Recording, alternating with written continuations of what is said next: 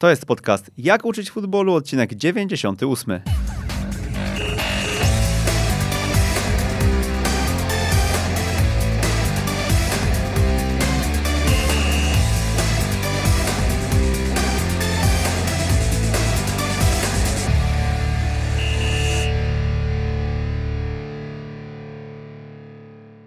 Jak uczyć futbolu, odcinek 98. Przemysław Mamczak, witam jak zwykle bardzo serdecznie. Przez 13 lat pracował w Akademii Poznańskiego Lecha, później podpisał umowę z Polskim Związkiem Piłki Nożnej, gdzie prowadził m.in. kadrę do lat 18, asystował też przy innych kadrach młodzieżowych i wrócił do Poznania. Wrócił do Poznania, ale już nie do Lecha, a do Warty, w której pełnił rolę asystenta, drugiego trenera w sztabie mm, pierwszoligowej jeszcze Warty Poznań oraz dyrektora tamtejszej akademii. Dziś e, właśnie tym dyrektorem e, jest w pełnym wymiarze czasowym, tak chyba to możemy ująć. Trener Wojciech Tomaszewski. Dzień dobry, trenerze. Witam serdecznie. Trenerze, no to jak to z tą trenera rolą? Bo sezon się skończył. E, wiemy, że w Akademii był Pan już, już przez cały poprzedni sezon, ale też współpracował Pan z pierwszym zespołem. Tak jest, dokładnie. E, poprzedni, poprzedni sezon miałem okazję pełnić, można powiedzieć, dwie, dwie role w klubie, bo e, pierwsza to, to dyrektor akademii, e, natomiast druga to, tak jak tutaj już padło, asystent pierwszego trenera w pierwszoligowym seniorskim zespole Warty Poznań. Pracy było, pracy było dużo, oczywiście trudno było to, to połączyć, było trzeba jakoś temu zaradzić oczywiście i starałem się w miarę oczywiście możliwości te dwie funkcje ze sobą łączyć i bardzo często to wyglądało tak, że od rana zjawiając się w klubie poświęcałem czas na, na, na ten pierwszy zespół, na rozmowę z trenerami, ze sztabem, y, na udział y, mój w jednostce treningowej. Natomiast po, po zajęciach treningowych y, z pierwszym zespołem ten czas popołudniowy przychodził jako czas na, na pracę w akademii i realizację tych zadań, które, które tam zaplanowaliśmy. Mhm. 13 lat w Lechu. Wiele z tych lat spędzonych u boku trenera, dyrektora Marka Śledzia. Można powiedzieć, że jest pan człowiekiem trenera Śledzia? Na pewno, na pewno tak I, i ja bardzo mile wspominam ten, ten czas. Y, zresztą do dzisiaj y, z trenerem y, Śledziem mamy, mamy kontakt, dzwonimy do siebie, rozmawiamy, spotykamy się.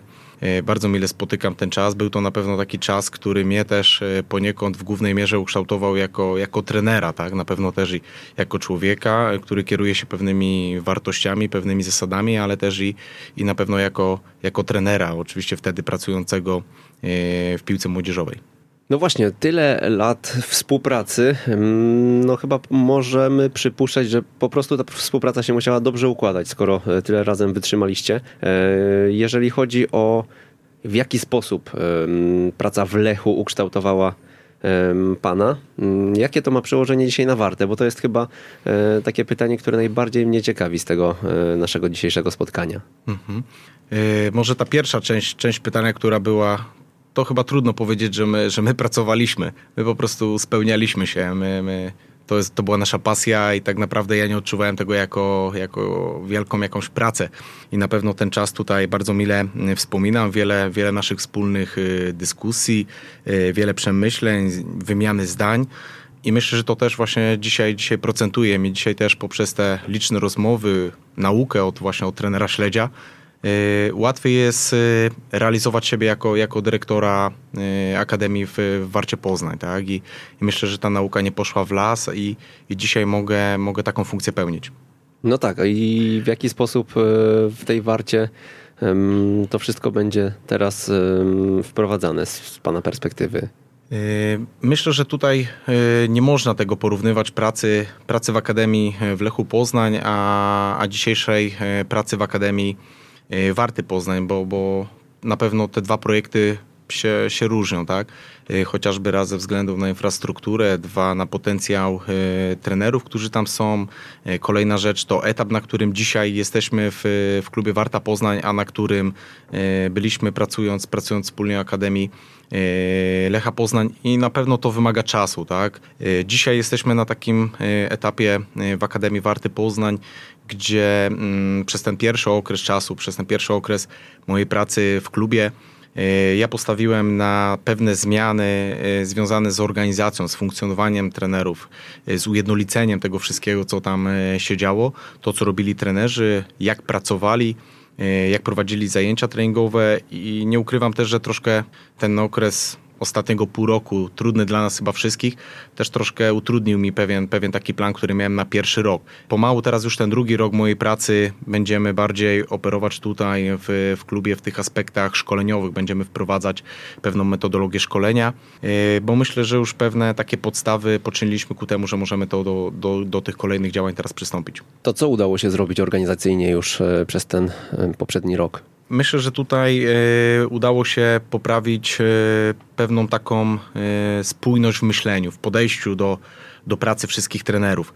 Ujedno, ujednolicili, ujednoliciliśmy mm, struktury funkcjonowania w ogóle zespołów, tak? Wyznaczyliśmy sobie to, jakie są zasady chociażby zespołów, czas, y, kiedy zawodnicy przychodzą na trening, ile zajęcia jednostki treningowe trwają, jak wygląda odprawa przed meczem, jak wygląda odprawa analiza pomeczowa y, i wiele takich innych aspektów, jak wygląda struktura jednostki treningowej i myślę, że właśnie to się udało zrobić. Oczywiście też y, wszystkie inne działania takie organizacyjne związane z infrastrukturą. Tutaj też niestety w naszym y, przypadku wymaga to dosyć takiej no, istotnej, istotnej y, planów logistycznych, można tak powiedzieć, bo nie mamy takiej infrastruktury w klubie, gdzie mogłyby wszystkie zespoły w klubie trenować. W zeszłym roku to było 12 mm, grup młodzieżowych, w tym roku to już jest 15 grup. E, no i musimy jakoś sobie radzić, tak? I na pewno oprócz tego, że zajęcia odbywają się w klubie, odbywają się jeszcze w innych dwóch miejscach w Poznaniu, w e, takich, e, można to nazwać ośrodkami, gdzie też trzeba no, troszkę organizacji czasu poświęcić na zaplanowanie tego wszystkiego. Oczywiście to też musi być spójne z, z nauką, ze szkołą zawodników, zawodników i, i na pewno nie jest to łatwe, ale myślę, że ten, że ten rok pozwolił nam właśnie przygotować się do tego, że, że w tym roku już nie będziemy się borykać z takimi problemami, a bardziej skupimy się właśnie na tych aspektach e, szkoleniowych. Jak dzisiaj pod kątem potencjału wygląda Akademia Warty? Jaki, jaki to jest poziom? Bo no, mm, na pewno nie mhm. możemy mówić o Lechu póki co, e, bo tego Lecha będziecie gonić przez najbliższe kilka, jak nie kilkanaście lat, jeżeli w ogóle będziecie w stanie go kiedyś dogonić, prawda? Ale mm, dzisiaj w które miejsce by trener wstawił waszą akademię na, na, na polskiej mapie e, piłkarskiej? E, wiadomo, że są powiedzmy takie akademie topowe, tak, tak jak je gdzieś potocznie nazywamy w, w naszym kraju. Myślę, że my dzisiaj jako Akademia Warty jeszcze do takiej akademii się na pewno nie możemy obiektywnie patrząc e, zaliczyć, e, ale myślę, że potencjał, e, potencjał jest. Myślę, że zarówno potencjał w zawodnikach, tak samo potencjał w trenerach. Oczywiście cały czas odbywa się selekcja, tak samo jak zawodników, tak samo tak samo i trenerów. Co do, co do jeszcze zawodników, oczywiście to też będzie zależało od tego, jak, jak my będziemy pracować, tak? jak trenerzy będą pracować, jak będzie wyglądała nasza organizacja całej akademii e, bo no, na dzisiaj jesteśmy świadomi tego, że nie jesteśmy jeszcze taką akademią jak, jak Akademia e, Lecha, e, chociażby ze względu na, na infrastrukturę, tak? O tym, co już powiedziałem, Akademia Lecha ma swoją bazę w, w Popowie. My na dzisiaj takiej bazy nie mamy i to myślę, że też jeżeli byśmy coś takiego posiadali, to też by był taki milowy krok do przodu. Natomiast tak patrząc jeszcze na takie aspekty potencjału mm, ludzkiego, tego, tego potencjału zawodników, no do dzisiaj myślę, że jeszcze takie, takie sytuacje są i zdarzają się, że, że oczywiście kluby, kluby z tych akademii powiedzmy wiodących zgłaszają się po zawodników yy, Warty Poznań, Akademii Warty Poznań. Ja oczywiście jako, jako dyrektor yy, chciałbym, żeby, żeby oczywiście ci chłopcy od nas nie odchodzili, szczególnie ci, z którymi wiążemy swoją przyszłość, bo też tutaj oceniamy tych zawodników. Yy, mamy projekt poświęcony najzdolniejszym zawodnikom i mam nadzieję właśnie, że ta nasza, nasza praca, którą będziemy wkładać, będziemy pokazywać tym zawodnikom, że stwarzamy im y, dobre warunki do rozwoju w naszym klubie, w naszej akademii, y, spowoduje, że, że nie będą szukali innych rozwiązań, innych klubów, a zostaną tutaj, uwierzą w to, że jednak wspólnie możemy poprowadzić ich tak, ich rozwój, że, że trafią do tej piłki seniorskiej na najwyższym poziomie. Porozmawiamy sobie o Warcie na pewno jeszcze sporo dzisiaj, ale ja bym zapytał po tylu latach takiego odciśniętego piętna wręcz w pracy w jakimś, w jakimś organizacyjnym ładzie, którego trener doświadczył, bo u nas był już i trener Śledź i, i jego wychowankowie wielokrotnie, więc myślę, że nasi słuchacze też dobrze wiedzą, o jakim podejściu tutaj mówimy. Mm, na ile kopiujecie E, pewne wzorce i na ile możemy spodziewać się podobnych rozwiązań właśnie w Warcie dzisiaj? Znaczy kopiujemy to, to chyba zbyt duże może słowo tutaj w tym przypadku, bo, bo ja nie jestem zwolennikiem kopiowania czegoś. Ja raczej jestem zwolennikiem czerpania z czegoś, ale dostosowywania tego do, do własnych możliwości. E, tak jak powiedziałem, czy też e, warunki infrastrukturalne, czy też potencjał ludzki w postaci zawodników, czy też e, potencjał zawodników, e, czy filozofia danego klubu, to wszystko wpływa na to, jak, jak wygląda model funkcjonowania, jak wygląda model gry, jak wygląda model funkcjonowania w danej, w danej akademii, więc nie chcemy tutaj kopiować, a, a wręcz jakby dostosować to, co możemy wykorzystać przy wykorzystaniu tego, tego zasobu ludzkiego i tej całej infrastruktury, tej całej otoczki, w jaki sposób możemy to najlepiej wykorzystać i, i stworzyć to pod te warunki, które będą realne. Czyli model gry mm, to nie jest ten model, który e, gdzieś widzimy na szkoleniach e, z Rakowa Częstochowa obecnie. No jeszcze, jeszcze nie. Na pewno, na pewno jeszcze nie. E, mieliśmy okazję niedawno tak naprawdę tutaj mierzyć się z zespołami Akademii Rakowa, bo tak jak powiedziałem, utrzymujemy tutaj kontakt na bieżąco z, z trenerem Śledziem i na pewno w tych zespołach młodzieżowych Rakowa było widać już, już pewien, pewien sposób gry, pewien model gry, który, który jest w Akademii wprowadzany od, od czasu, kiedy, kiedy trener Śledź tam się pojawił. Myślę, że my jesteśmy dopiero na, na początku tej drogi i tak jak powiedziałem, pierwszy rok to to praca nad organizacją, a od tego roku zaczniemy właśnie wprowadzanie takich aspektów szkoleniowych związanych z metodologią szkolenia, z tym jak chcemy, chcemy pracować. Jak układa się Wasza współpraca z innymi e, podmiotami szkoleniowymi w okolicy, w Poznaniu i w okolicy, bo wiemy, że prężnie w województwie wielkopolskim działa Akademia Piłkarska Rejsa, która też ma swoje drużyny w e, centralnych ligach juniorów. Mm, no Lech to, to, to wiadomo, prawda? Tam też we Wronkach jest zespół Błękitnych, który, którzy też e, wiem, że w CLJ-kach gdzieś tam drużyny mają bądź mieli, bo to się co chwilę zmienia. Mm, no i, i, i dochodzi do tego Warta, która również w tych celiotkach drużyny miała, więc y, jest w takim jednym e, małym obszarze dosyć ciasno. Mm, no można tak powiedzieć, chociaż myślę, że dzisiaj jeszcze nie jesteśmy takim, takim powiedzmy obszarem, tak jak na przykład na, na Śląsku, gdzie jest wiele klubów na wysokim, myślę, poziomie i mogą ze sobą rywalizować, ale tak jak tutaj pan powiedział, e, jest wiele takich klubów na, na niezłym poziomie, już nieźle funkcjonujących. Nasza współpraca z, z klubami tutaj w Wielkopolsce myślę, że mm, rozwija się, idzie do przodu. Współpraca z Lechem Poznań, tak jak już e, wcześniej powiedziałem, na dzisiaj e, to w dużej mierze to są jakieś rozmowy na, na poziomie tutaj trenerów, e, osób zarządzających akademią. Ja oczywiście też przez, przez te kilkanaście lat, które pracowałem w Lechu, poznałem wiele osób, z którymi do dzisiaj utrzymuję kontakty. Te osoby pełnią te funkcje jakby zarządzające akademią. Rozmawiamy ze sobą od czasu do czasu, wymieniamy się pewnymi uwagami. Yy, ale też i bardziej na, na takiej zasadzie wymiany zawodników, tak? I, I dzisiaj to jest jeszcze, jeszcze tak, że część chłopców z Warty przychodzi do Lecha. Oczywiście niektórzy chłopcy z Lecha trafiają do, do nas do Warty i ta współpraca tak wygląda. Natomiast e, coraz częściej ja otrzymuję telefony tutaj od mniejszych klubów z Wielkopolski, które, które nie mają e, podpisanych jakichś tutaj umów o współpracę właśnie z, z Akademią Lecha Poznań. E, i zgłaszają taką chęć e, współpracy właśnie z, z naszym klubem, z naszą akademią.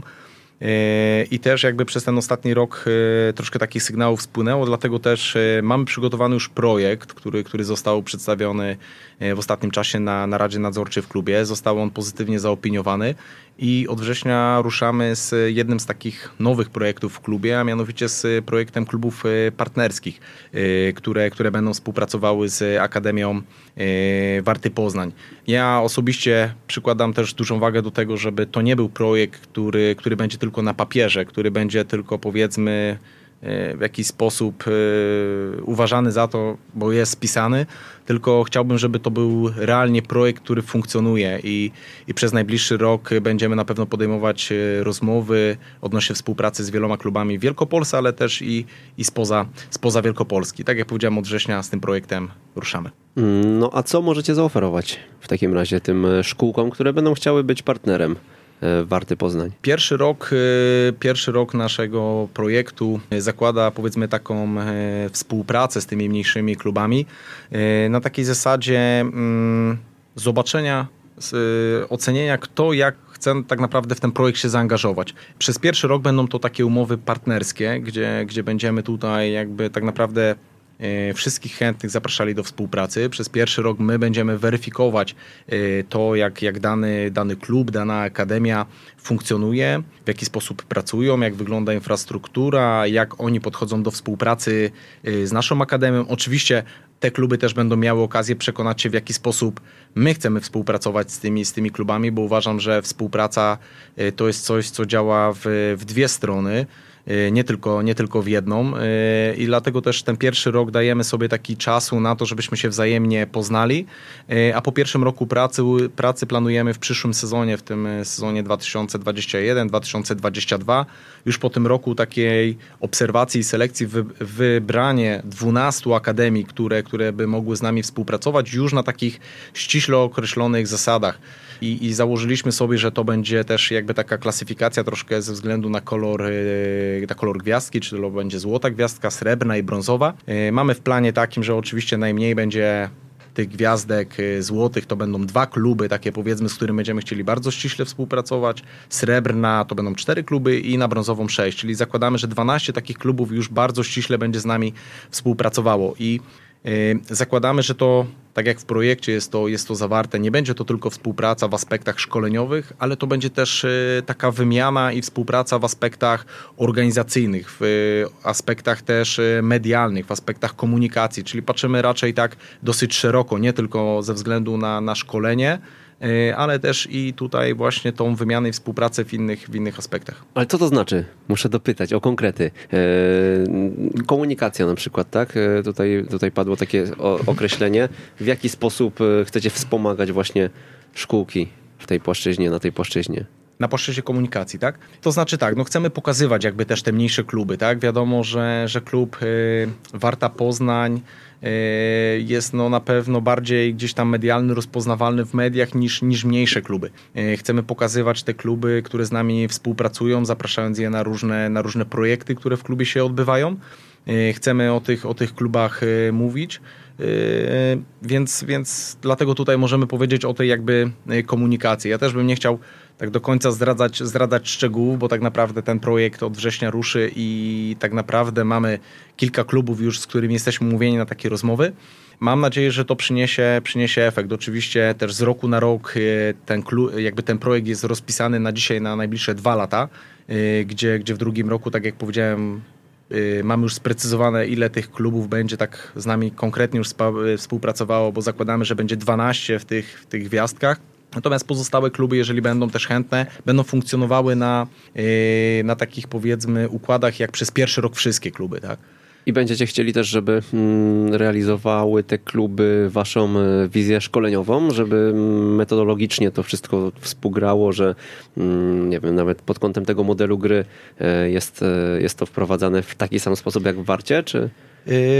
Tutaj o, o, tym aspekcie to mówimy tylko i wyłącznie w przypadku tych klubów, które mają tą złotą gwiazdkę, tak? Mhm. Czyli, czyli oczywiście im wyższa, im wyższa powiedzmy półka, im, im wyższy ten kolor tak w tej klasyfikacji powiedzmy tych klubów, z którymi będziemy pracować, tym ta mm, współpraca jest bardziej taka ścisła, konkretniejsza. My więcej od siebie dajemy, ale też i oczywiście więcej od takiego klubu oczekujemy, tak? I, i na pewno tak. Natomiast zdajemy sobie doskonale tu sprawę, że z klubami, które będą miały tą e, gwiazdkę. Y, no nie będziemy tam w stanie do końca na pewno mogli wprowadzić takiego sposobu funkcjonowania, takiego może funkcjonowania tak, ale takiego sposobu szkolenia y, jak u nas, no bo, bo wiemy, że to będą mniejsze ośrodki, które, które będą wymagały czasu do tego, żeby, żeby w taki sposób szkolić, jak, jak my będziemy chcieli w klubie. Infrastruktura, o tym y, mówiliśmy mm, tak pobieżnie póki co, ale jaką infrastrukturą dysponujecie jako akademia? Na pewno ta infrastruktura jest ważna. Zresztą pewnie niejednokrotnie słyszeliśmy o tym i jako, jako też e, tutaj wspomniał Pan, że jest to jedna z tych nóg od stołu e, w filozofii trenera Śledzia, o której, o której trener to mówi. Ja też e, do tej infrastruktury nawiązuję, że jest ona bardzo ważna, bo, bo możemy mieć super pomysł, możemy mieć super plan, bardzo dobrze pracujących trenerów, świetnych zawodników, ale jak nie będziemy mieli boisk, e, nie będziemy miejsca, mieli gdzie tego realizować, to niestety nasze, nasze pomysły i tak nie zostaną zrealizowane. Na dzisiaj infrastruktura w Akademii wygląda w sposób następujący. Przy boisku na drodze dębińskiej jest e, płyta główna. Na tej, na tej płycie na dzisiaj e, odbywają treningi zawodnicy pierwszego zespołu. Z tyłu za, za płytą główną są dwa boiska naturalne, trawiaste.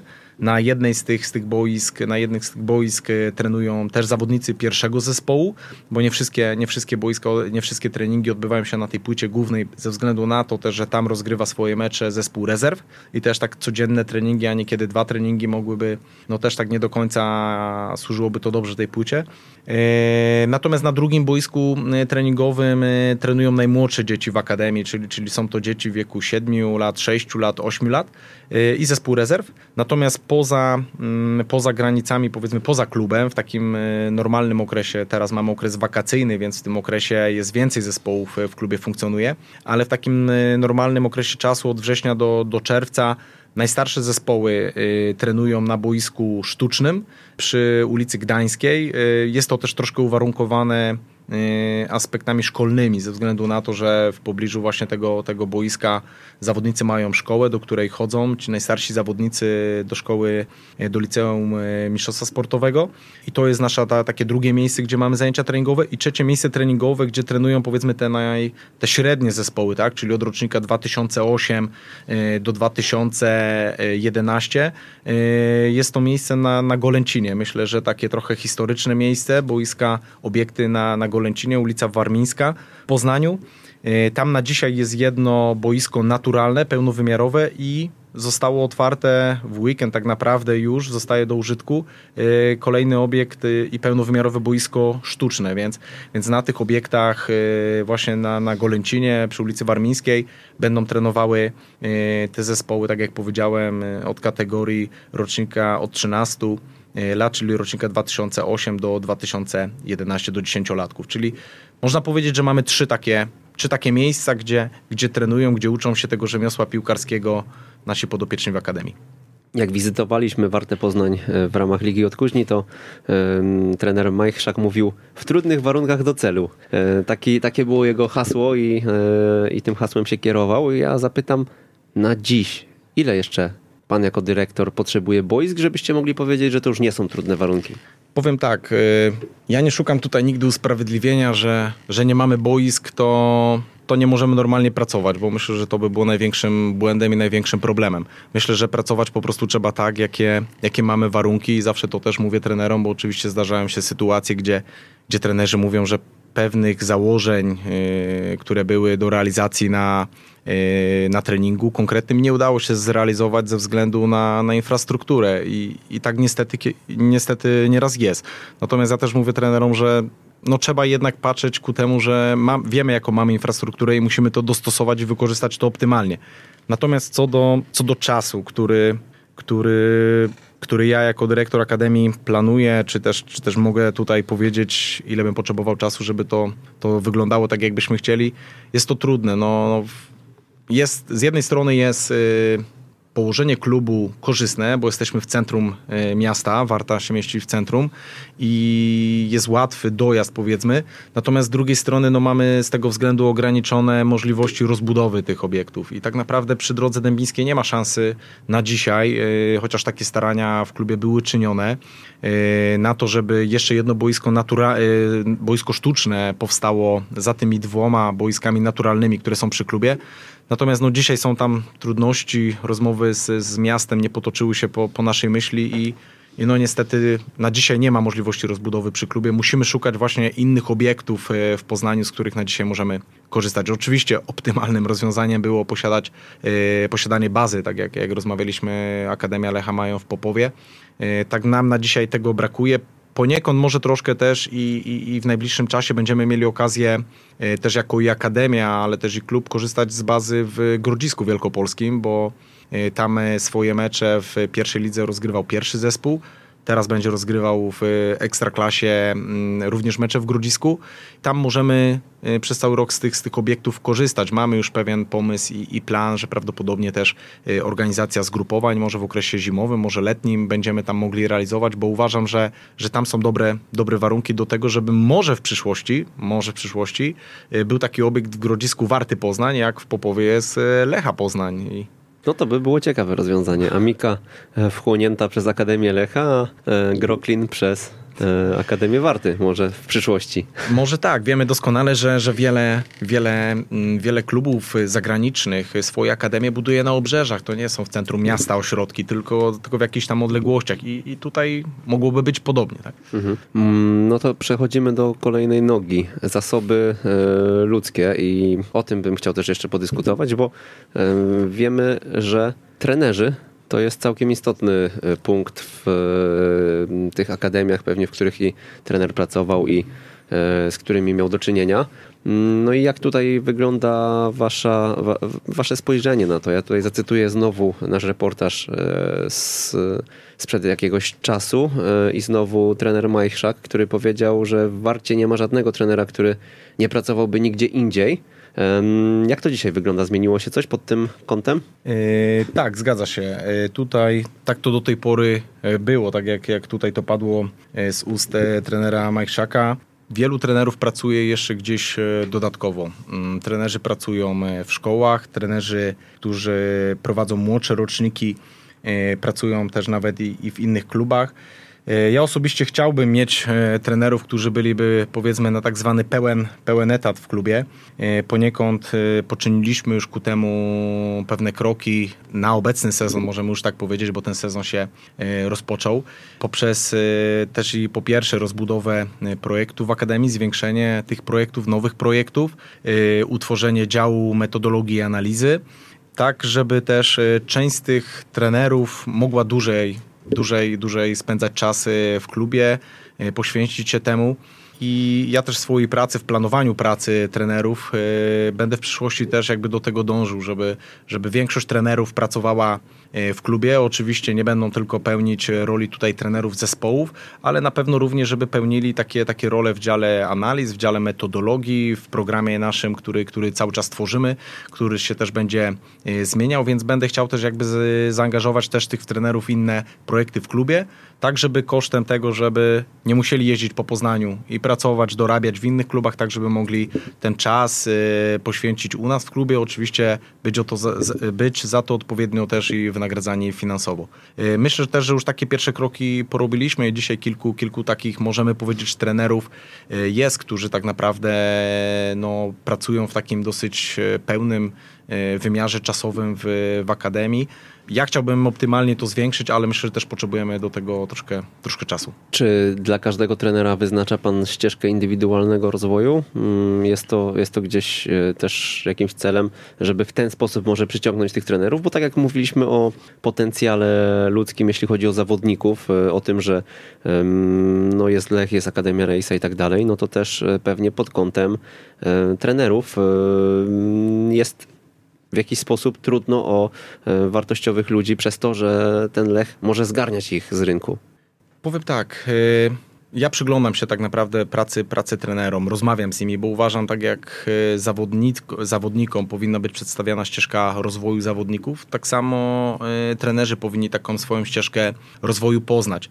Niestety, tak jak powiedziałem, ze względu na, na, na sytuację, którą mamy, całą, cały, cały ten COVID, nie miałem okazji przez ostatnie pół roku tak naprawdę od lutego, kiedy to wszystko gdzieś tam zaczęło się e, w naszym kraju, nie miałem okazji obserwować e, trenerów podczas ich pracy na boisku. E, a mój pomysł na, na pierwszy rok pracy był taki, żeby ten, to pierwsze pół roku poświęcić na organizację, całą adaptację, ujednolicenie pewnych rzeczy w klubie. Drugie pół roku to miała być tak naprawdę weryfikacja pracy trenerów w ich środowisku, jakby, czyli, czyli w klubie z zawodnikami podczas zajęć treningowych. Niestety nie, by, nie mogłem tego zrealizować ze względu na to, że nie były prowadzone zajęcia treningowe z zawodnikami, tylko poprzez, poprzez online e, za, trenerzy pracowali e, z zawodnikami.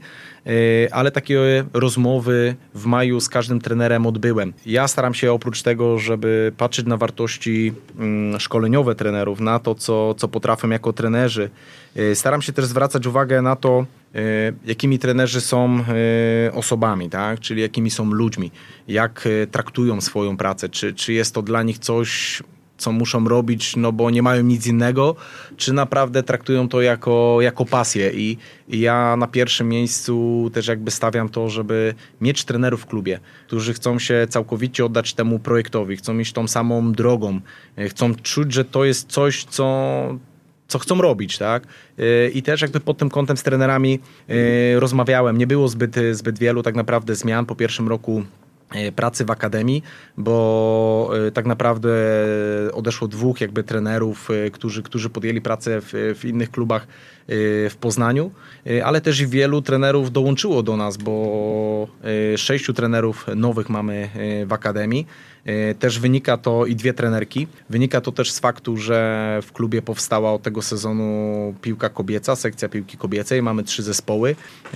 Co ciekawe też dołączyli do nas trenerzy z, z Lecha Poznań i to nie do końca było tak, że, że tam ich nie chciano, to przyszli do Warty, y, ale po prostu gdzieś przedstawiono im u nas w klubie inną troszkę wizję niż, niż przedstawiono im w Akademii w Lechu zadecydowali, że, że chcą iść tą drogą, którą ja pokazałem im w Warcie, pokazałem im pomysł, w jaki sposób my chcemy pracować, jaki mam pomysł na, ni, na, tych, zawod, na tych trenerów, bo, bo oczywiście ja znam tych trenerów i, i gdzieś też e, wiem, jak, jak oni pracują i, i jaką wartością dodaną mogą być do, do całego projektu. Dlatego przyszli też trenerzy. E, I myślę, że to, to, to jest naturalne, tak? Ci trenerzy będą z klubu odchodzić, trenerzy będą, będą do klubu przychodzić. Macie taką chrapkę, żeby napsuć Lechowi krwi, czy jednak y, no, zdajecie sobie sprawę z tego, że mm, no, Lech w Poznaniu zawsze będzie numerem jeden, bo jednak y, jak y, kibic spoza Polski usłyszałby o Poznaniu i miałby przypasować do tego miasta jakiś zespół, no to raczej nie wskazałby warty, prawda? Na dzisiaj pewnie tak i nie chodzi, nie chodzi tutaj o to, my w żaden sposób nie mamy, nie mamy tutaj zamiaru e, ucierać nosa e, Lechowi Poznań, tak? bo, bo nie o to tutaj chodzi, my nigdy się nie porównujemy do, do, do innego klubu, chcemy być po prostu lepsi od samych siebie, chcemy lepiej pracować e, my sami w klubie niż, niż do tej pory pracujemy. Pewnie na dzisiaj jeszcze tak, na pewno Lech, Lech Poznań jest powiedzmy marką bardziej znaną i w Wielkopolsce i w Polsce. Na pewno ma to przełożenie ze względu na, na to, że pierwszy zespół jest y, od wielu lat już gra na poziomie ekstraklasy. Nasz klub wrócił po 25 latach, y, Warta Poznań do ekstraklasy i, i myślę też, że jeżeli i pierwszy zespół będzie dłużej, im dłużej będzie pierwszy zespół grał w ekstraklasie, tym, tym nam też y, w akademii będzie poniekąd łatwiej, będziemy bardziej rozpoznawalni jako, jako klub. Wróćmy do tych trenerów jeszcze. Wielu trenerów nas słucha, pewnie mm, również z Poznania i z Wielkopolski. Gdyby ktoś chciał dołączyć do projektu Warta Poznań, mm, gdyby spodobało mu się to, co tutaj usłyszał e, przez ostatnie pół godziny, e, jest miejsce dla niego dzisiaj w strukturach? Oczywiście sezon się na dzisiaj dopiero zaczyna i, i, i tutaj nie, nie planuję żadnych zmian natychmiast.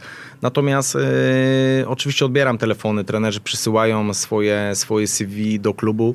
E, dla mnie jest to o tyle budujące, że, że jednak widzą, widzą w tym potencjał, tak? widzą w tym możliwości, że, że nasz klub może się rozwijać, że to szkolenie w akademii może, może też iść cały czas do przodu. I oczywiście ja zachęcam, może nie, że zachęcam, ale nie mówię, że nie mogą trenerzy w każdym momencie przysyłać e, swoje, swoje tutaj CV, swoje zgłoszenia do nas do klubu. Ja każdą, każdą e, tak naprawdę taką korespondencję zapoznaję się z nią. E, poniekąd też i niektórzy trenerzy, którzy trafili teraz do Akademii, właśnie w taki sposób trafili w tym sezonie, poprzez to, że przysłali CV. Ja je przeanalizowałem, zrobiłem oczywiście wywiad na temat, na, temat, na temat tych trenerów. E, zawsze odpowiadam, jeżeli trener przysyła CV odnośnie tego, że chciałby pracować, to, to zawsze odpowiadam, jaka jest w danym momencie sytuacja, ale też nie zamykam drogi, mówię, że jeżeli będziemy, będę szukał nowych trenerów, to, to na pewno się skontaktuję. To podpowiedzmy im, w jaki sposób e, mogą zaplusować u nowego może w przyszłości dyrektora. Czym przekonać do siebie? Nie, no myślę, myślę, że pracą. Ja, ja tutaj na to zwracam e, uwagę. Pracą, e, prawdziwością, poświęceniem, e, oddaniem się i bycie, bycie sobą, po prostu bycie, bycie normalnym raz, że człowiekiem.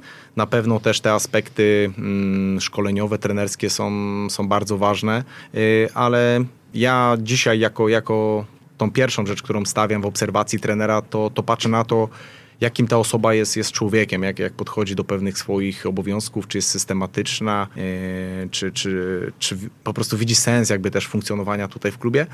Natomiast e, później oczywiście są te aspekty szkoleniowe. Uważam, że, że nawet będąc bardzo dobrym trenerem, a a, a nie będąc dobrym człowiekiem, tak, no to, to nie do końca to będzie funkcjonowało w grupie, tak. Natomiast jeżeli w grupie jest, są ludzie, którzy ze sobą współpracują, którzy idą w tym samym kierunku, odbierają na tych samych falach, możemy tak powiedzieć, no to, to myślę, że to jest podstawa do tego, żeby wykonać dobrą pracę. Tak przypadkiem całkiem y, idziemy sobie noga po nodze. Było o organizacji, była infrastruktura, były zasoby ludzkie, więc dochodzimy do technologii. No i chyba o tej technologii teraz y, sobie podyskutujemy. Mm, jak na to E, trener patrzy, z czego najbardziej korzysta i do czego to ma doprowadzić. W jaki sposób chcecie, żeby Warta, e, młodzieżowe drużyny Warty grały w piłkę? Co do technologii, taką pierwszą rzeczą, która akurat e, nas, nasuwa się tutaj yy, mi na myśl, bo, bo wczoraj mieliśmy pierwszy, pierwszy mm, trening w nowym sezonie w projekcie Warta Talent. Jest to, jest to taki projekt, który jest przeznaczony dla według nas dla najzdolniejszych, dla najbardziej perspektywicznych zawodników, którzy są u nas na dzisiaj w Akademii. Są to chłopcy y, z rocznika 2004 do 2007, czyli, czyli z tej piłki 11-osobowej. Y, I tutaj jakby staramy się, żeby ten, ten projekt właśnie Warty Talent był, był takim czymś, można powiedzieć, specjalnym w Akademii, tak? I, i tutaj mm, pewne, że, pewne pewne rzeczy, które chcemy jakby wprowadzić, y, żeby one były ponad tym, co ci zawodnicy mają na co dzień w zespołach. I, i może tutaj duże, duże słowo, że technologia, ale też jakby będą chłopacy operować y, na takim programie, który, który ma pozwolić nam ich y, na co dzień monitorować. To jest program Actimet, na którym funkcjonuje już pierwszy zespół. Y, teraz będą funkcjonowali ci właśnie najbardziej zdolni zawodnicy. Y, zauważyliśmy też w minionym sezonie, że mm, było trochę kontuzji, troszkę urazów. Nieraz te urazy, te kontuzje wynikały z, z przeciążenia y, zawodników i ci zawodnicy, którzy są w tym projekcie Warta Talent, będą właśnie wyposażeni w, w taką aplikację, gdzie codziennie będą musieli zdawać jakby taki raport trenerom, którzy w tym projekcie pracują, i też trenerom, którzy prowadzą ich w zespołach, to w jaki sposób czują się zmęczeni, jak spali, czyli e, w jaki sposób się czują zmęczeni po meczu, jak się czują przed meczem. I to też myślę da nam odpowiedź w pewnym stopniu nad taką kontrolą, nad monitoringiem tych, tych zawodników. I to jest taka jedna z rzeczy kluczowych, na którą, na którą chcemy w najbliższym czasie e, kłaść nacisk, czyli na tą e, kontrolę nad, nad zawodnikami. To będzie kontrola w, na bazie skali Borga, tak? Czy coś więcej? Ta punktacja jest od 1 do 10. To są mhm. różne, różne aspekty yy, i zawodnik budząc się rano otwiera aplikację w telefonie, zaznacza od 1 do 10 yy, w jakim subiektywnie, stopniu, tak? Dokładnie, subiektywnie, mhm. w jakim stopniu jest zmęczony, jak, yy, jak się wyspał, jak jest wypoczęty. I tam codziennie trenerzy mają dostęp, logując się na, na programie, który będą mieli trenerzy na, na komputerach zainstalowany, mogą na bieżąco sobie kontrolować to, w jakim stopniu zawodnik jest dzisiaj zmęczony. To też chodzi chociażby z racji tego, że ci zawodnicy, tak jak powiedzieliśmy, to są zawodnicy wiodący i oni mają więcej jednostek treningowych w tygodniu niż, niż normalni chłopcy w ich kategoriach wiekowych w grupach. Y, no i dwa, no też y, zdajemy sobie sprawę, że realnie ci chłopcy powinni grać jak najwięcej, y, ci chłopcy powinni mieć jak najwięcej minut rozegranych. Więc chociażby z tych dwóch aspektów no chcemy ich monitorować na bieżąco. Mhm, tutaj y, odnośnie mm, aplikacji mm, przypomniało mi się, że y, przed tygodniem byli u nas y, panowie z Betterway i oni w ramach prezentu udostępnili taki arkusz Excelowy właśnie do mm, podobnych pomiarów, więc jeśli ktoś ma ochotę, to zapraszam do pobierania. Za chwilkę może opowiemy o, o prezencie od trenera. Co to będzie? Co to będzie, trenerze, w takim razie? Prezent do trenera. Udostępniłem tutaj mój, mój staż, jakby sprawozdanie ze stażu, który odbyłem w Leverkusen. Staż był jakby dedykowany tutaj mojej obecności przy, przy pierwszym zespole Bayernu 04 Leverkusen u trenera Petera Boscha. Ten staż też był realizowany w ramach kursu, na którym obecnie jestem, kursu UEFA Pro. Chciałem się podzielić tutaj moimi doświadczeniami, moimi spostrzeżeniami, jak pracują właśnie zawodnicy pierwszego zespołu, tego zespołu seniorskiego w klubie Bayer Leverkusen. Bardzo szeroka, e, szerokie sprawozdanie. Ja miałem okazję przejrzeć przed audycją i, i tam e, no, poza tymi podstawowymi informacjami cała rozpiska mikrocyklu, jednostka po jednostce z poszczególnymi czasami ćwiczeń, nawet rozpiską, e, rysunkami i tak dalej. Do pobrania oczywiście, tak jak zwykle w naszym co niedzielnym newsletterze. Tam będzie link, a jeżeli nie jesteście jeszcze w naszej bazie, to ekstratrener.pl ukośnik newsletter. Tam się można dopisać i tam też y, można pobrać y, poprzedni prezent właśnie od chłopaków z Betterwaya, o którym y, przed chwilką mówiliśmy, to ja zapytam o ten, najpierw może o Petera Boscha. Co takiego szczególnego podejrzał trener u niego? Myślę, że mm, jest to trener z bardzo bogatym warsztatem pracy, zresztą jego sukcesy, które które odnosił pracując szczególnie w, w klubie Ajax Amsterdam. Świadczą o tym, że jest to wysokiej klasy światowiec. Ja miałem okazję E, się przekonać na, na własne oczy, obserwując e, zajęcia treningowe, obserwując e, mecze pierwszego zespołu, ale też i odbywając rozmowy z trenerem Boszem. Tutaj taka troszkę może śmieszna sytuacja, ale bardzo zaimponował mi chociażby tym, że był przeznaczony jakby czas, byłem umówiony na spotkanie z trenerem. Osoba, która pomagała mi tutaj w odbyciu tego stażu, Sławek Czarniecki, przed, przed spotkaniem z trenerem, przed pierwszym spotkaniem z trenerem Boszem, mówił, poinformował mnie, że, że po prostu nie czuł się rozczarowany, że może to trwać godzinę, bo, bo trener też ma dużo pracy i na pewno e, gdzieś będzie okazja się jeszcze raz na przykład spotkać i, i porozmawiać na, na te tematy szkoleniowe. E, no i podczas tej rozmowy troszkę była okazja porozmawiać, ale też, też e, ta, ta rozmowa nie trwała godzinę, a trwała trzy godziny, więc, więc tutaj też byłem mile zaskoczony, że tyle czasu taki trener poświęcił mojej, mojej osobie, osobie, której tak naprawdę pewnie w ogóle nie znał, ale, ale bardzo chętnie dzielił się swoją wiedzą, był, był bardzo otwarty i tutaj naprawdę e, to wywarło na mnie duże, duże wrażenie, że potrafił się dzielić w taki sposób wiedzą. Było jakieś zdanie, które mm, zmieniło Pana spojrzenie na jakiś aspekt? Na zasadzie, oj, inaczej na to będę teraz patrzył. Oczywiście pogląd na, na piłkę każdego trenera jest inny, filozofia jest inna, patrząc na takie aspekty techniczno-taktyczne, mieliśmy e, troszkę inne zdanie w pewnych, w pewnych wymiarach. Natomiast taka, taka rzecz może drobna, e, taki drobny szczegół, który gdzieś tam ja zapamiętałem, e, to, to na przykład rozmawialiśmy o jednym z ćwiczeń, gdzie rozmawialiśmy o tym, ilu tam zawodników występuje, jak to ćwiczenie zapisujemy. Trener Bosch też akurat to ćwiczenie narysował na, na, na tablicy u siebie w pokoju kazał mi nazwać, jak, jak, jak to ćwiczenie nazywamy. Ja powiedziałem, że to ćwiczenie nazywam bramkarz bodajże plus 6 na 6 plus bramkarz. A on mówi, a czemu bramkarz tak to nazywasz? Y, ja mówię, no bo tak, tak, tak po prostu nazywamy, tak przyjęło się też w narodowym modelu gry, też tak oznaczamy. A trener mówi, no dobra, ale, ale jak jest w piłce? Mówisz, że grasz mecz, gra się 11 na 11, czy bramkarz plus 10 na 10 plus bramkarz? Ja mówię, no raczej używamy, że 11 na 11. On mówi, no to, to ja na przykład też tą grę nazywam 7 na 7, a nie bramkarz plus 6 na, na 6 plus bramkarz. Oczywiście to, to, to nie jest żaden błąd, tylko mówimy o tutaj takiej różnicy i spojrzeniu może na pewne takie drobne detale. Mhm. Jak trener odbiera kurs UEFA Pro, bo też e, jak już jesteśmy przy tym temacie, to go zakończmy. Mm, mówią, nam trenerzy, którzy tutaj byli, że mm, bardzo pozytywnych y, rzeczy tam można doświadczyć. Wiemy, że on jest y, bardzo trudno dostępny dla trenerów, bo jest y, tylko jeden organizowany równo, równolegle się nie dzieje nic, bo, bo nie ma, nie ma nie takiej możliwości, prawda? I tylko 24 miejsca przypadają do, mm, dla kursantów. No i jak to z Pana perspektywy wygląda? Ile już sesji za Wami? Czy jak to mm, już jest, jest końcówka, czy początek? No tak, gdyby, gdyby nie cała, cała sytuacja, która ma miejsce, to, to byśmy byli już pewnie po kursie, bo planowane zakończenie kursu było w czerwcu. E, niestety sytuacja i cała, cała epidemia, która, która trwa, wydłuża troszkę czas trwania kursu i, i niestety jakby mamy jeszcze e, dwie sesje, tak naprawdę jedną sesję Mam nadzieję, że w najbliższym czasie uda się ją odbyć. Są pewne plany. Oczywiście wymaga to, to zgody e, tutaj działu, działu medycznego. E, no i później druga sesja to tak naprawdę już egzamin.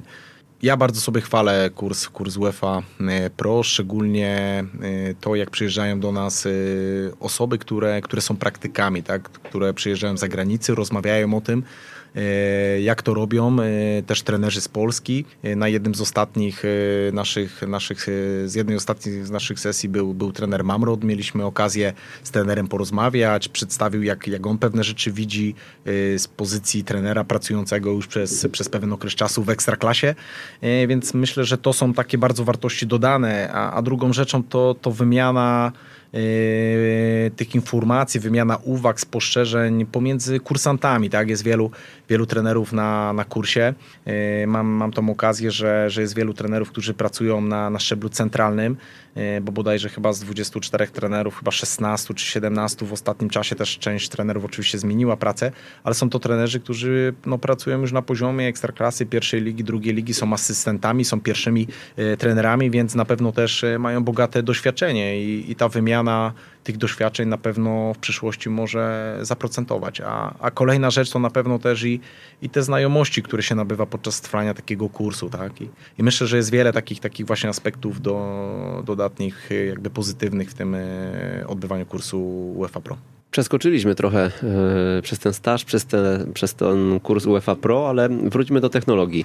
E, mówiliśmy o tym projekcie dla najbardziej utalentowanych zawodników, który re, e, realizujecie. A co poza tym? Co jest e, takim korem i e, takim, e, taką podstawą waszego funkcjonowania?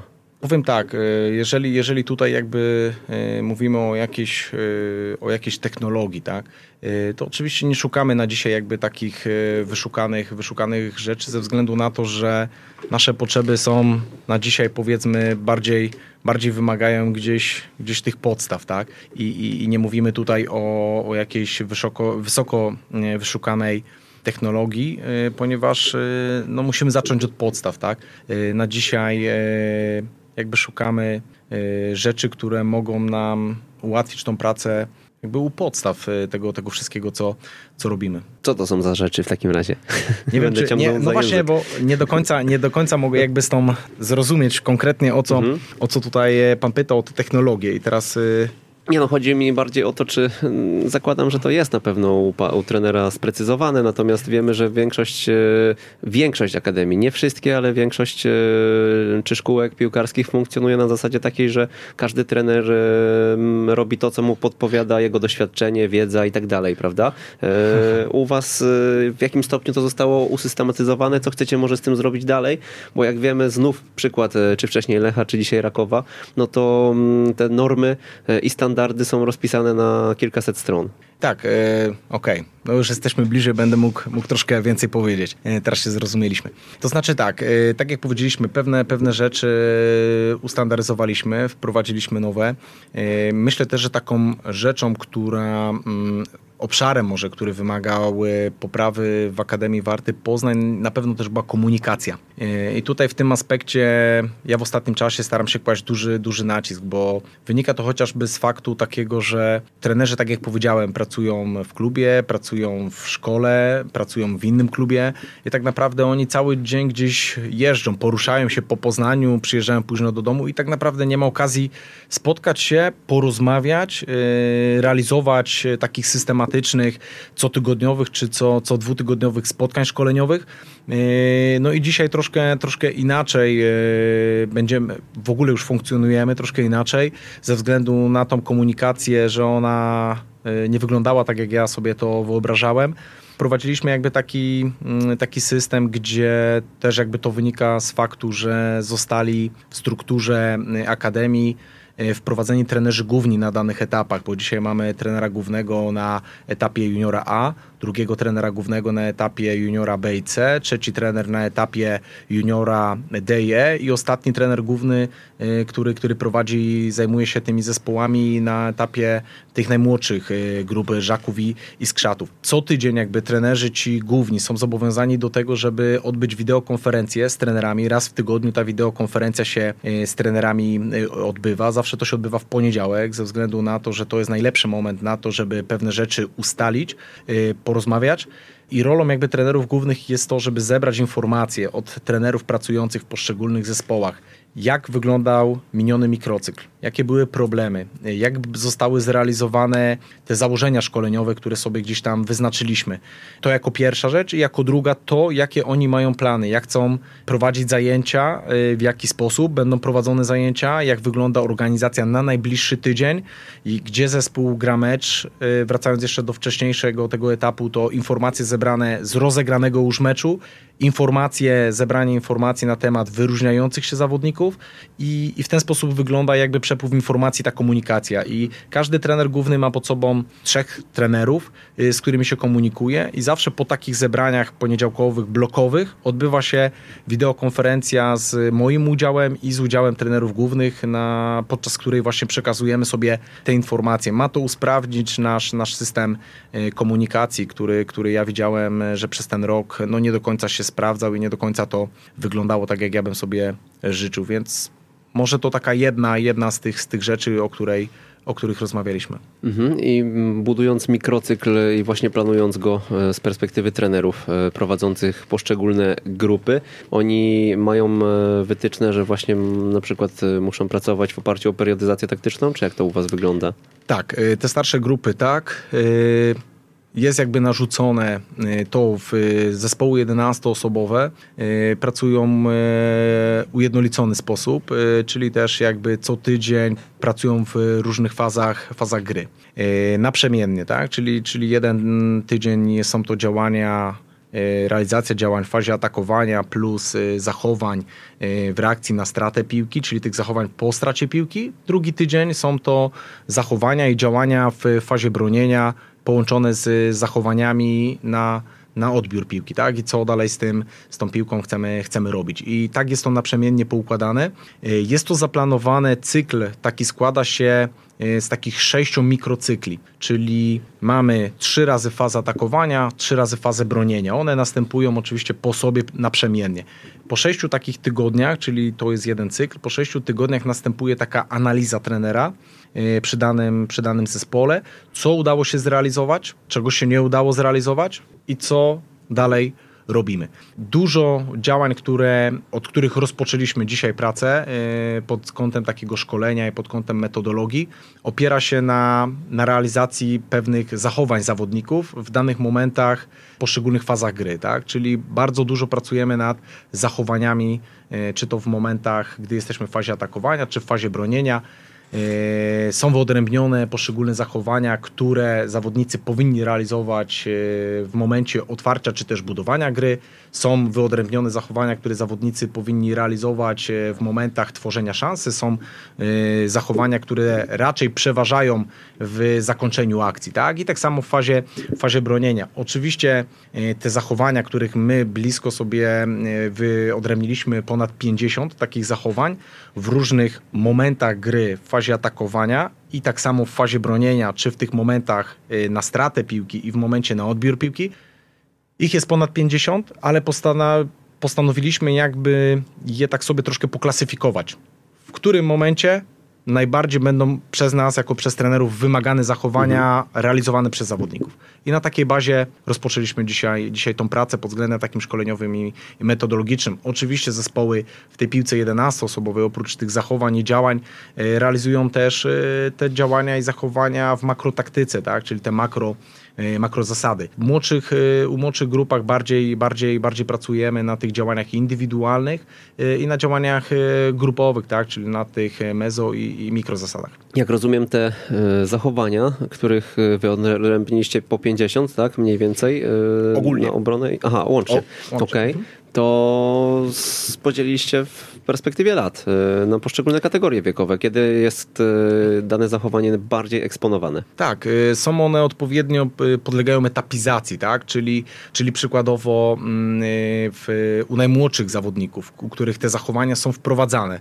W tych działaniach związanych z pressingiem no, nie będziemy wymagać jakichś działań grupowych czy zespołowych. Tak? Tam na przykład będzie działanie, takie zachowanie indywidualne, które ma powodować chęć odbioru piłki, tak? czyli natychmiastowy doskok do, e, do, do przeciwnika. Tak? I oczywiście te zachowania są też przydzielone do poszczególnych etapów. Założyliśmy, że wszystkie te zachowania, które wyodrębniliśmy w klubie, e, powinni posiadać już zawodnicy przechodząc z piłki 9 do 11-osobowej. Czyli tak naprawdę w 11-osobowej piłce, jak chłopcy trafiają w wieku 14 lat do tej 11-osobowej piłce, bo teraz jest to rocznik 2007, e, powinni tak naprawdę już je znać w przyszłości. Tak? Oczywiście mówimy o, e, o, o kilku latach teraz wprowadzania tego, tej metodologii, tak?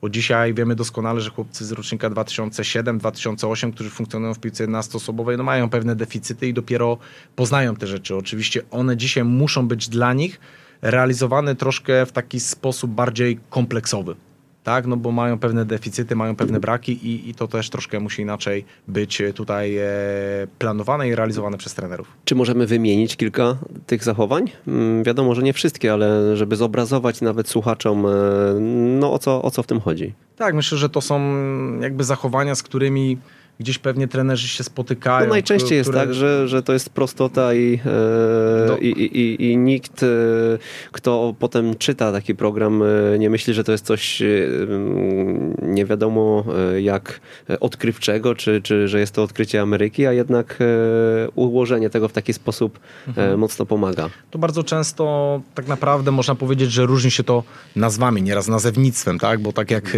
jak my to przedstawialiśmy też jakby trenerom, to też trenerzy na początku, jak wiedzieli, że, że będzie tyle zachowań, to tak w klubie mówią, ojej, trochę dużo tego wszystkiego będzie ale jak tak naprawdę przeszliśmy poszczególne momenty i poszczególne zachowania w danych momentach, to tak naprawdę stwierdzili, że przecież my, my to robimy, my, my to znamy, tylko inaczej to nazywamy, nie?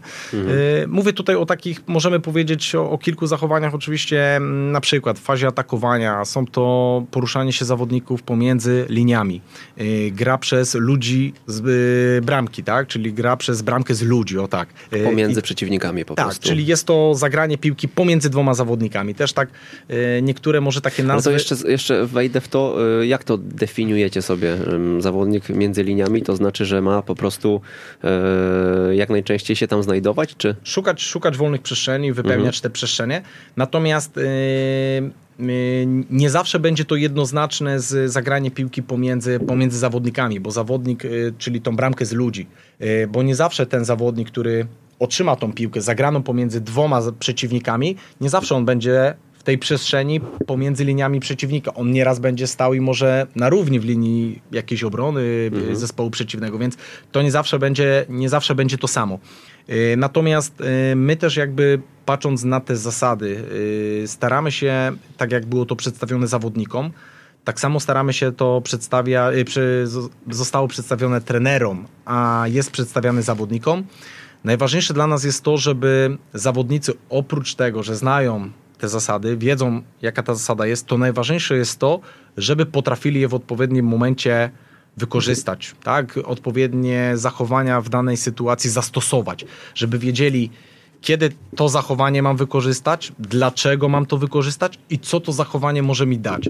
Bo, bo myślę, że od właśnie tych procesów decyzyjności, od tych procesów analizy y, związanych z obserwacją, tak postanowiliśmy, że od tego rozpoczniemy też naszą pracę, ujednolicanie pewnych, pewnych właśnie takich, y, takich zachowań w, w klubie. I myślę, że to też jest w ogóle taki, patrząc globalnie, deficyt chyba y, w szkoleniu, że, że dużo, dużo jest takich rzeczy, odtwórczych realizowanych przez zawodników, a nie samych ze względu na to, jak oni to postrzegają, tak? Czyli Myślę, uważam, że w ogóle w Polsce zmienia się trochę to, to spojrzenie na piłkę i, i, już odchodzimy trochę od pewnych schematów, że zagraj tu, biegnij tam i tak dalej.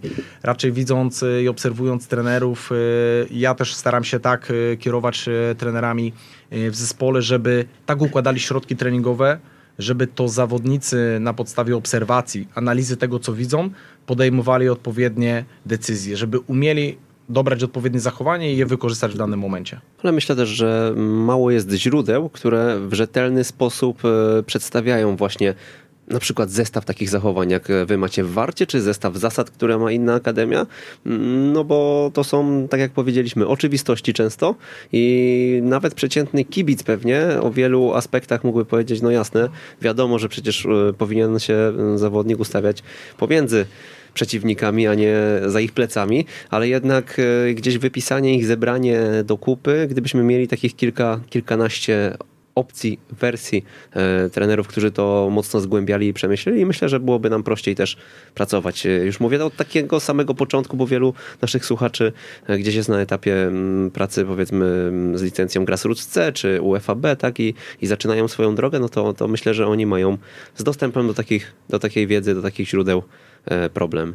Znaczy, myślę, że dostęp y, oczywiście jest w pewien sposób, może być problemem, natomiast myślę też, że oni się zderzają z czymś, tak jak ja powiedziałem, nie? tutaj na przykładzie trenerów, że y, tutaj zobaczą pewne zachowanie czy działanie nazywane tak, mhm. a za chwilę jakaś inna nazwa. Tak naprawdę to jest to samo, to, jest to samo nie? I, I, myślę, że tutaj właśnie to też wymaga trochę analizy od tych trenerów, tak naprawdę wczytania się, wgłębienia, co, co oznacza to określenie, a co oznacza to określenie, bo tak naprawdę to może być jedno i to samo, nie? Powiedzieliśmy o dwóch zachowaniach e, w ataku, to dorzućmy jeszcze coś z ataku i w obronie i zamykamy temat technologii.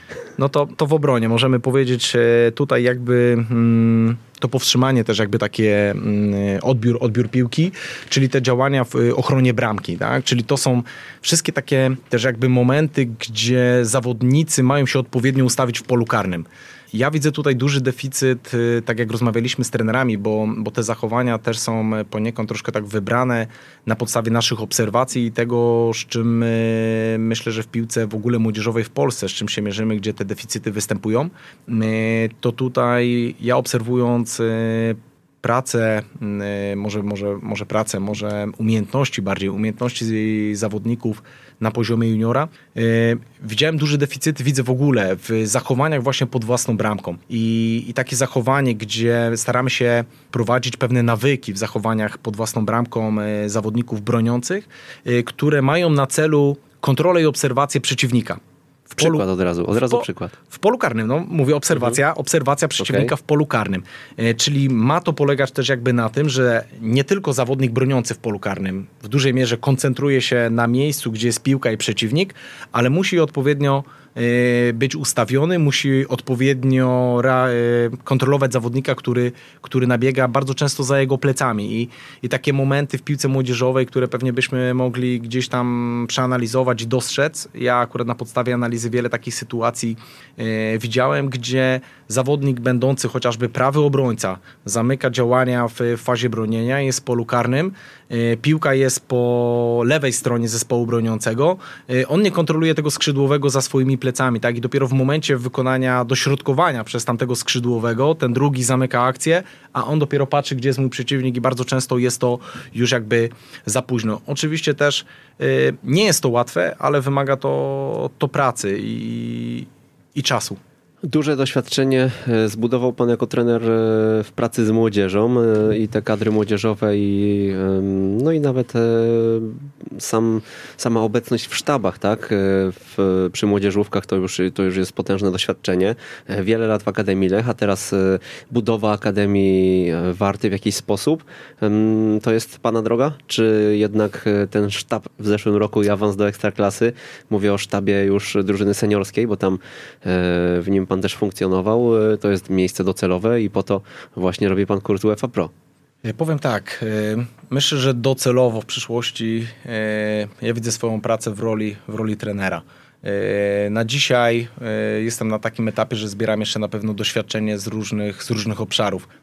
Uważam, że mm, praca jako, jako trener w klubie, e, praca jako trener w reprezentacji, bo też miałem okazję tutaj współpracować z zawodnikami przy młodzieżowych reprezentacjach Polski i praca jako, jako dyrektor akademii uczy mnie czegoś nowego. To jest zupełnie, zupełnie inna praca, tak? Praca w klubie to codzienne wyjście na trening, e, podnoszenie swojego warsztatu szkoleniowego. Y, na co dzień, rozmowy z zawodnikami, praca w, w reprezentacji to ograniczony, zmniejszona jakby taka komunikacja z zawodnikami. Nie ma tej pracy na co dzień na boisku. Są to zgrupowania, są to konsultacje, raczej więcej jest obserwacji, więcej jest spotkań, rozmów z zawodnikami. Y, natomiast no, jako praca, praca dyrektora, no to już tutaj y, jeszcze bardziej niestety odejście od tego boiska, ale, ale myślę, że tutaj powiem tak, jestem, tak jak powiedziałem, na etapie zbierania doświadczeń i, i myślę, że w każdym tym y, zakresie, czy jako trener w klubie, czy jako trener w reprezentacji, czy jako dyrektor akademii, y, uczę się jakby pracy mm, związanej z chociażby z planowaniem tej pracy, tak? Czy współpracy z ludźmi, czy odpowiednim komunikowaniem się.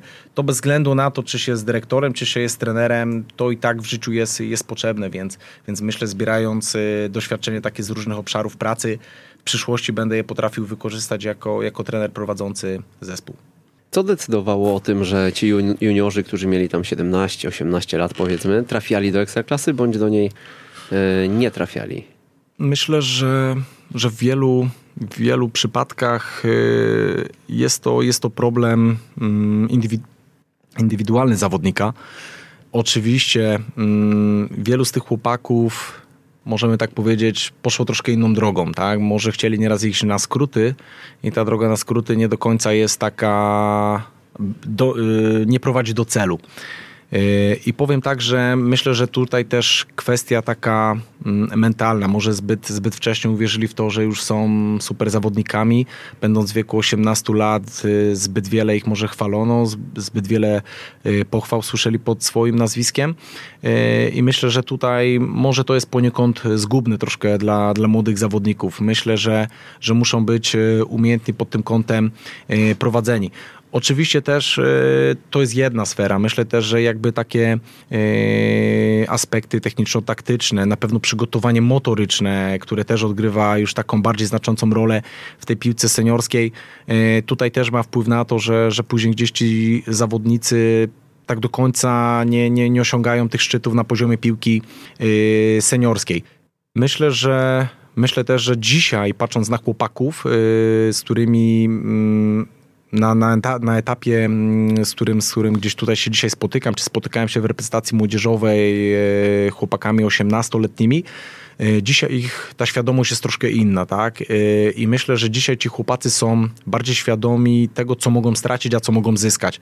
Dzisiaj już trochę inaczej ci młodzi chłopacy, którzy jeszcze 4 lata temu, może 5 lat temu nie brali pod uwagę tego, że jakiś wyskok na dyskotekę, jakieś inne pomysły mogą mieć wpływ na, na ich rozwój.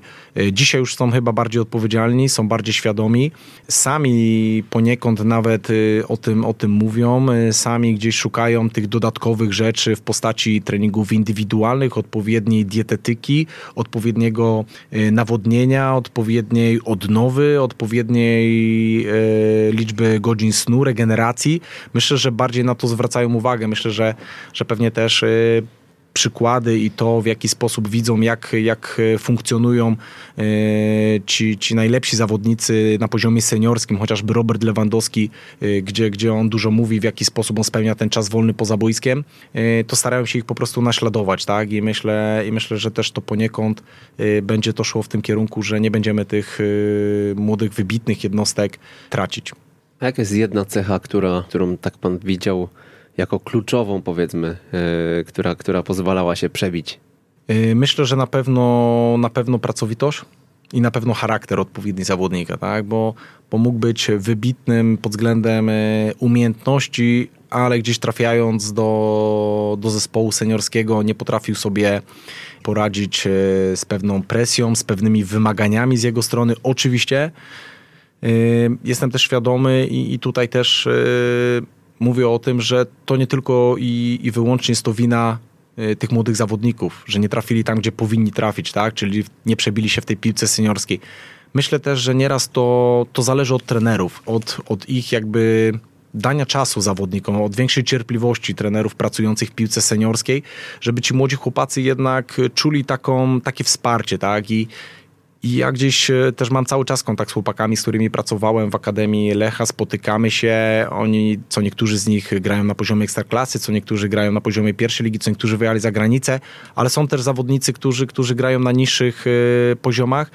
I nieraz w tych rozmowach przejawia się po prostu też fakt tego, że no, trener mi nie zaufał. Ja nie czułem wsparcia trenera, miałem tam umowę, y, musiałem tam w klubie zostać. Oczywiście nie zwalam tutaj winy na, na trenerów. Mówię to jako jeden z czynników, który, który ma wpływ na to, że, że młodzi chłopacy no, nie radzą sobie później, nie, nie, nie, nie przebijają się do tej dorosłej piłki. Mhm. A kiedy pan postanowił, że będzie trenerem?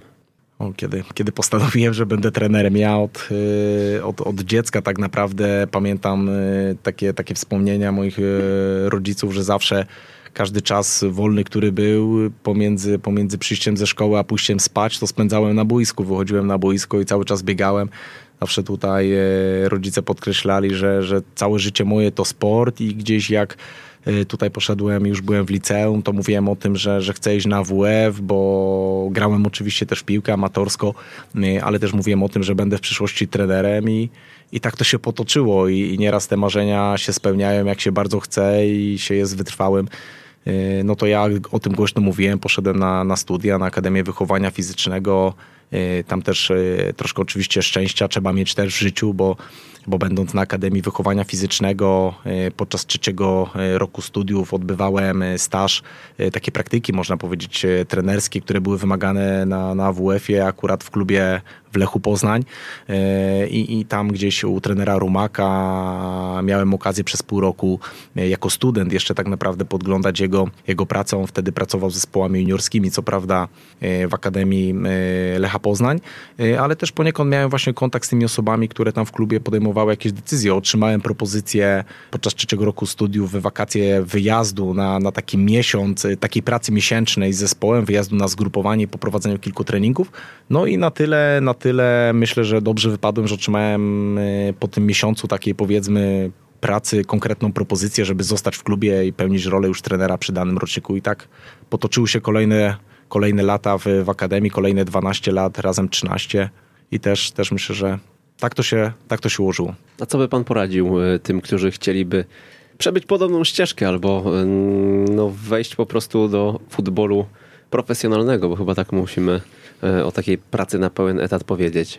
Mhm. Ja myślę tak, że, że będąc, chcąc być trenerem, ja też patrzę na, na siebie, bo, bo myślę, że zawsze mm, trzeba patrzeć na siebie, na to, na to, jakim się jest samemu.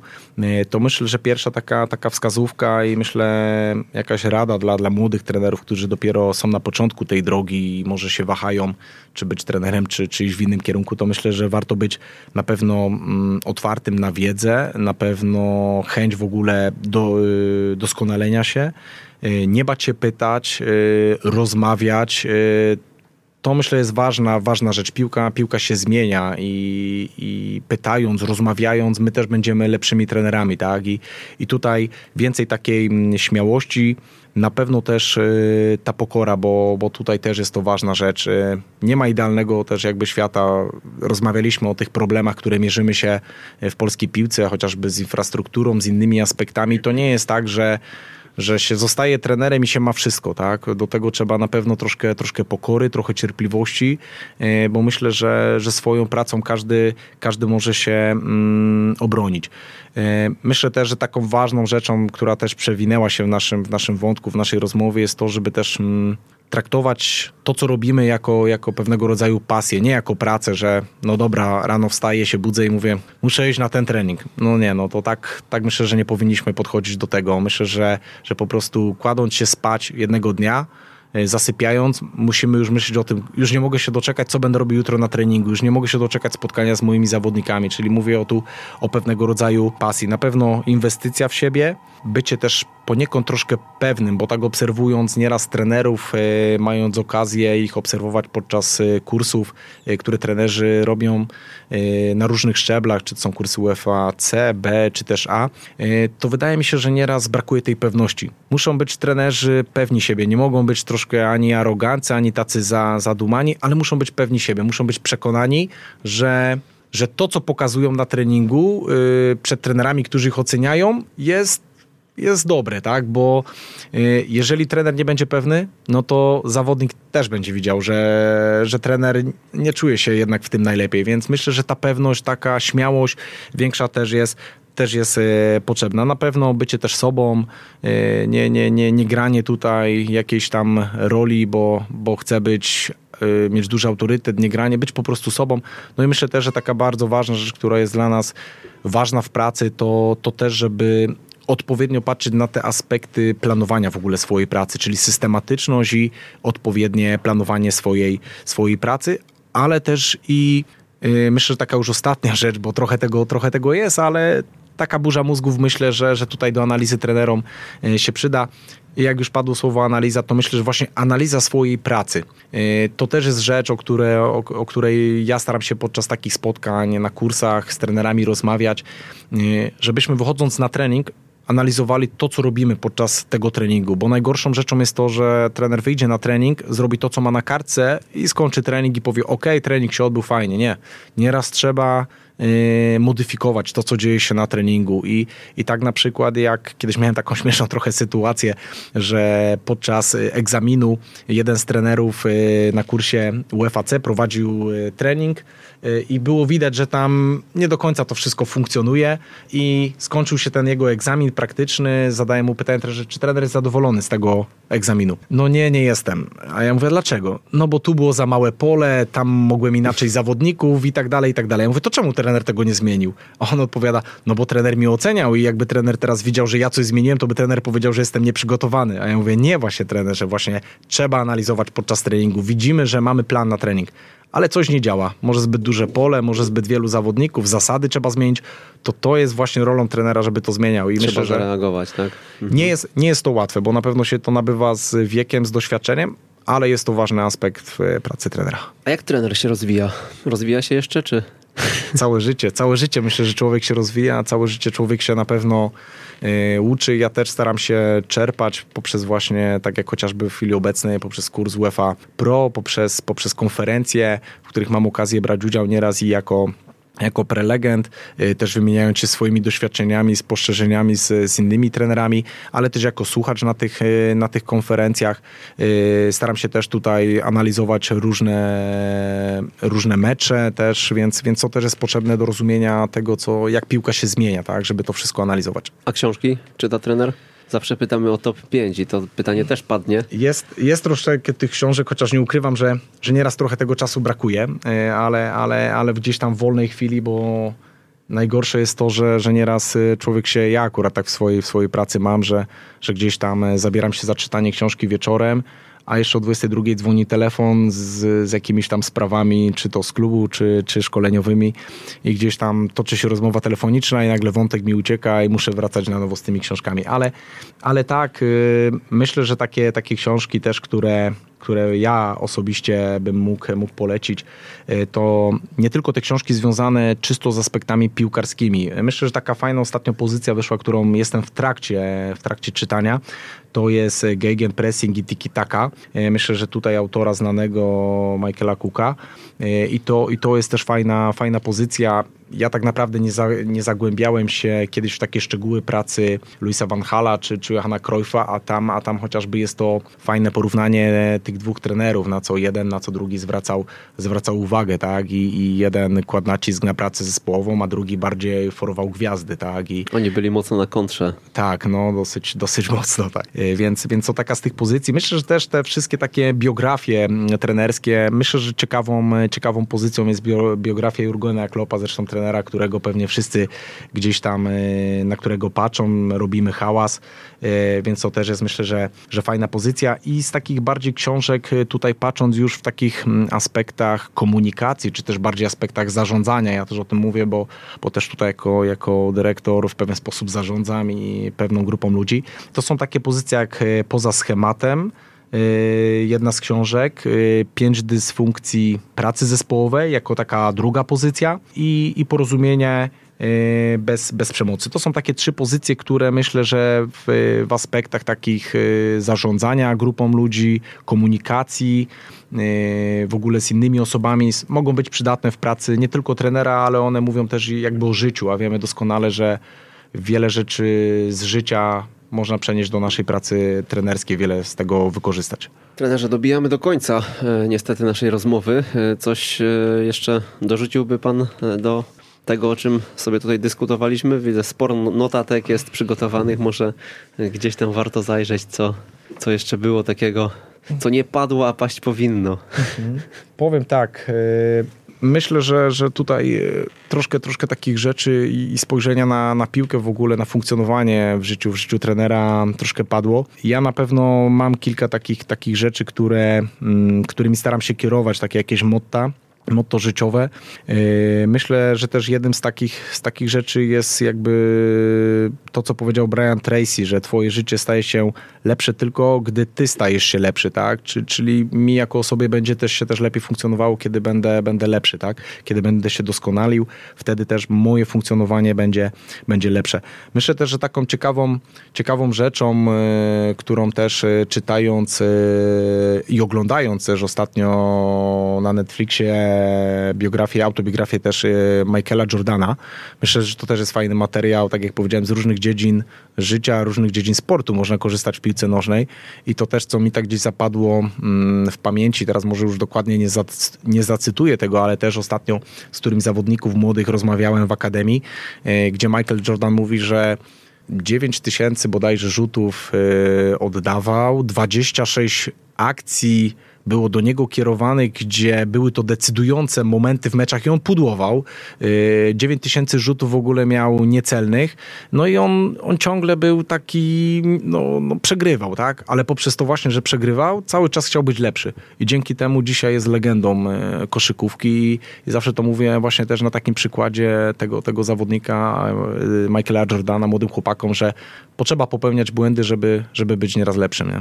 Jak zakończyliśmy Last Dance'em, to zapytam trenerze, puściłby pan Rodmana do Vegas? To się u nas przewija co tydzień ostatnio. Denis Rodman, tak. y, Pamiętam nawet taką śmieszną anegdotę, akurat tutaj tak się zbiegło.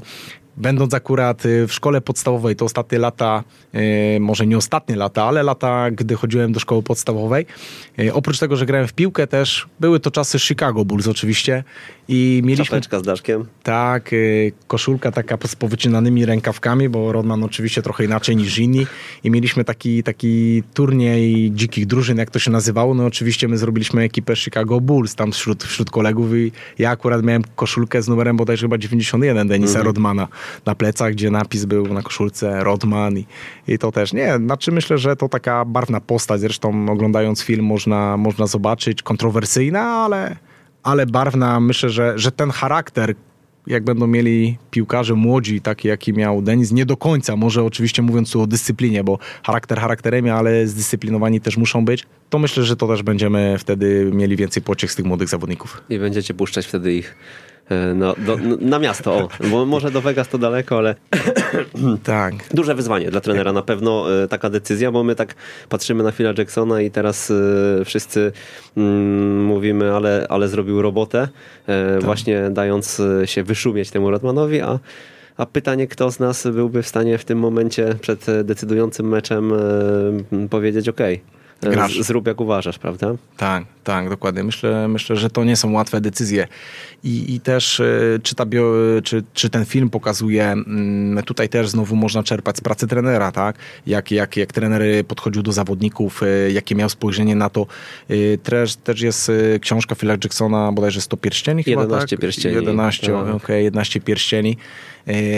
I, I myślę, że też właśnie takie pozycje polecam, polecam młodym, młodym trenerom, o których rozmawialiśmy. 100 pierścieni jakby Jackson zdobył, no to byłby legendą Tak na pewno, jest. chociaż i tak jest legendą. E, Trenerze, jak się z panem skontaktować jeszcze, gdyby ktoś chciał do tej warty e, dołączyć? Można oczywiście skorzystać e, z maila. Myślę, że to taka najlepsza, najlepsza droga komunikacji w dzisiejszych czasach. Podamy adres?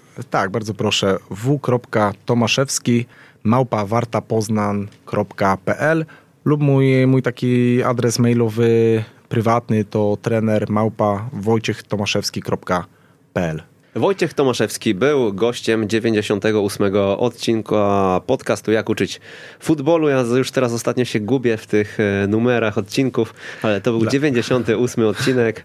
E, dziękujemy trenerze za przyjazd do Warszawy. Te 100 pierścieni to chyba wynikały z tego, że tak właśnie jak wiedziałem, że będę w 98, to zadawałem sobie pytanie, czemu nie w setnym? I dlatego to 100 pierścieni tak w tej mojej głowie zostało. Szykujemy, szykujemy jakąś niespodziankę dla słuchaczy. No to co, do usłyszenia za tydzień e, w czwartek o tej samej porze. Przemysław Mamczak niebawem, jeszcze nie, nie za tydzień, ale za dwa właśnie mamy mały jubileusz, więc będzie na pewno ciekawie. Do usłyszenia raz jeszcze. Dziękuję bardzo. Jeżeli podobał Ci się ten odcinek, mamy do Ciebie prośbę: poinformuj jednego znajomego trenera o tym, że istnieje taki podcast jak Jak uczyć futbolu.